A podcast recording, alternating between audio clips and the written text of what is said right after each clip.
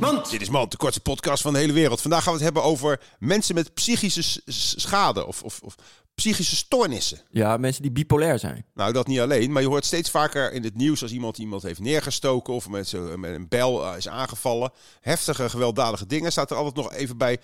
eh, de dader heeft waarschijnlijk een psychische stoornis. Oh, Oh, Schizofreen. dat wist ik niet. Dat had ik niet verwacht. Als iemand twintig man probeert met een mes eh, neer te steken, dan zal die wel een, een helemaal normaal zijn. Niet? Denk even zelf na daar. Dit was Mand.